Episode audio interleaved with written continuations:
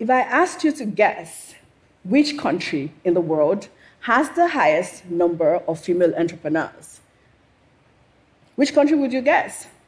Don't worry, I'll tell you. Uganda. Yep. In Africa, 39.6% of all Ugandans who start, own, and operate their own businesses are women. Ugandan women are clearly formidable, but they're not alone. The second and third country on that list of world female entrepreneurs, according to MasterCard, were Botswana and Ghana. Yep, Africa. So, what's keeping these amazing businesses from dominating global stock exchange? Why are you not seeing people like me, yours truly, listing our companies every day, dominating NASDAQ and London Stock Exchange? Let me tell you what I think. I love the hero's journey. I could often be found on Reddit late into the night after I've put the children to bed, arguing about many fantastical worlds. And I'm always secretly delighted that the people on the other side of the screen could never guess that the fierce figure arguing about Middle Earth canon and the ways of the basilicals in Soturos is an African mom of two who runs the startup out of Lagos, Nigeria. I was born in a small town in Nigeria. In 2001, my parents moved to the United States where I grew up, got educated, got married, and decided to start a family. It was the difficult birth of my son that started me on my own hero's journey. You see, while I was on bed rest, I found out that 556 women bleed to death every single day across sub Saharan Africa. And to my astonishment, if you could just move blood to these hospitals, you could save four out of five women. I decided, as a woman who had sat on that hospital bed seven years ago, wondering whether she was going to survive childbirth, that I had a duty to do something about this. I moved back home to Nigeria and started my own company. You see, Africa has the resources. We have the blood, the oxygen, the PPE that we need to save lives, but we don't always have it at the right place at the right time. So that's what we decided to solve. We built technology with over 200,000 lines of code that matches supply to demand. And we close the loop by delivering to the last mile. In 2016, when this company started, we had one single desk at a co working space. And now, as I speak, we operate across Kenya, Nigeria, and Ethiopia. We can deliver as far as Maiduguri, Borno State, home to the Chibok girls. But no part of this journey was easy. In fact, it almost did not start. Because while I recognized the size of the problem, I knew people like me did not start big businesses. There was no playbook, there was no model for me to follow.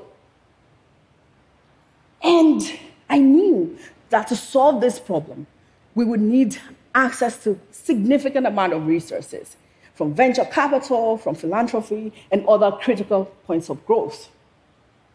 But there was a model because people like me had not received the critical resources they needed to grow and scale their own enterprise. So, does this mean women cannot be heroes? Does it mean that we cannot be heroes of our own journey? No. In fact, women like me routinely start their own companies. In Nigeria, we have Bilikis Abimbola, who is building the supply chain to get medicine to the last mile. We have Bilikis Abiola, who is protecting our natural world by turning trash to cash. And in Peru, Suli Suecho Diaz is building wealth for families by helping them make better mortgage decisions. Yet, we're not seen as founders that can scale and build large businesses. A few years ago, we needed resources at LifeBank, and I went to pitch LifeBank to an investor. I was very excited, and I told him about all the amazing things we would do. And he said to me, I just can't see you building something that scales. To my face. like any normal person, I was taken aback by his lack of faith. But I didn't let that stop me. I felt like I, I was duty bound to build the change, the innovation that I wanted to see in the world. And although he was right, I don't look like the classic hero. But, like Frodo, the journey chose me.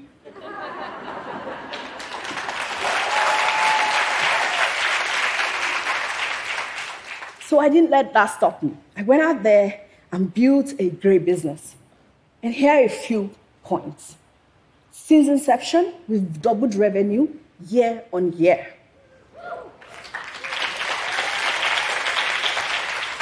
We've built technology that can predict oxygen demand, and we use blockchain to track a blood system.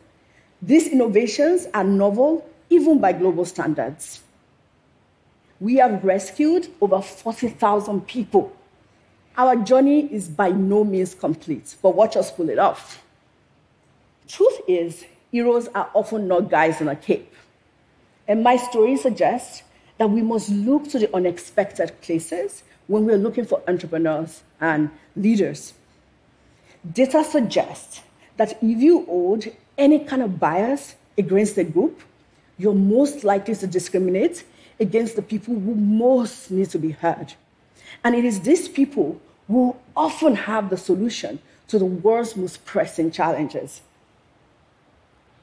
It is critical that we do the work to listen to every voice and to break down the silos that keep most of us back and keep us from starting.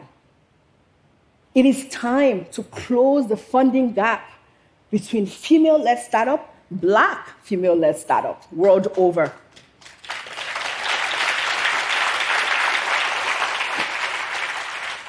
Because while you may not see us, we are here. And there are millions of us. So if you're an investor, I want to invite you to join your peers. And when you're looking for founders to back, look to the unexpected. And if you are in this room and you think you may want to go on your own hero's quest, I'm here to tell you to do it. And if they don't believe you, show them. The world needs your most unique voice. Thank you.